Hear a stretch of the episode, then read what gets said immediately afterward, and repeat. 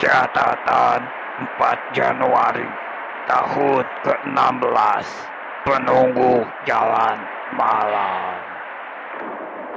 Banyak orang yang mati di jalan raya. Sebagian besar dari mereka meninggal secara tragis karena kecelakaan lalu lintas. Seringkali arwah mereka kembali menampakkan diri karena masih terharang rasa penasaran atas peristiwa nahas yang terjadi. Rasa penasaran yang mungkin tak bisa ditunda sebelum misteri terbesar itu dapat terjawab. Prana biasa lewat jalan pintas di belakang kantor pajak.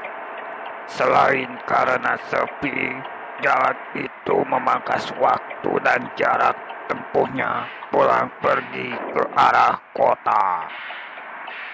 Sayangnya, jalan itu rawan kecelakaan. Banyak sudut mati di perempatan jalan tanpa bantuan cermin cembung. Malam itu, Prana baru pulang sehabis pergi mencari buku bacaan. Motornya ia bawa pelan, melaju melewati jalur maut itu.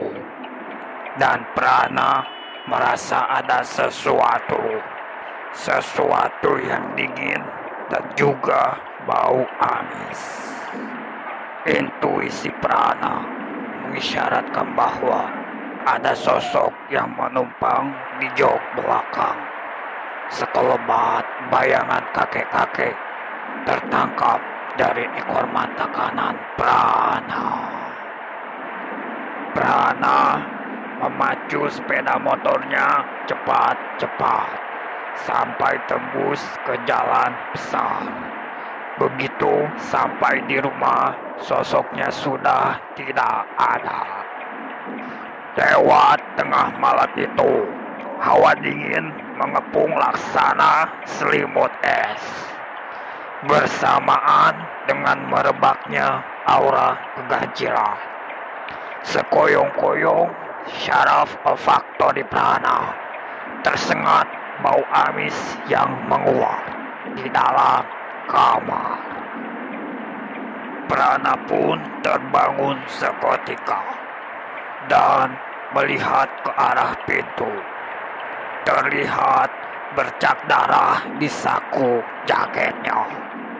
Saat Prana gapai isinya, terdapat sepotong telinga kiri.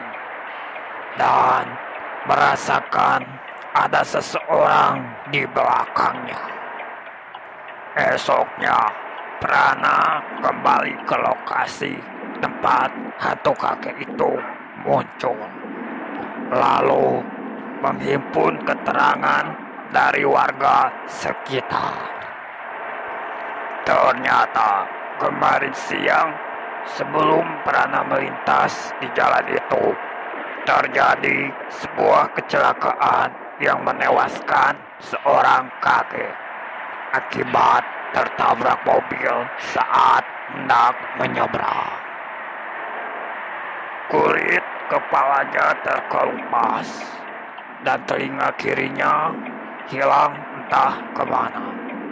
Prana mencari tempat dia dimakamkan yang lokasinya tak jauh dari situ. Potongan telinga itu Prana kuburkan bersama jasadnya yang tertutup tanah merah. Arwah kakek itu menemuinya untuk semua ini. Tanpa kelengkapan anggota tubuhnya, beliau terhalang untuk menyeberang ke alam baka. Dan kini beliau bisa beristirahat dengan tenang.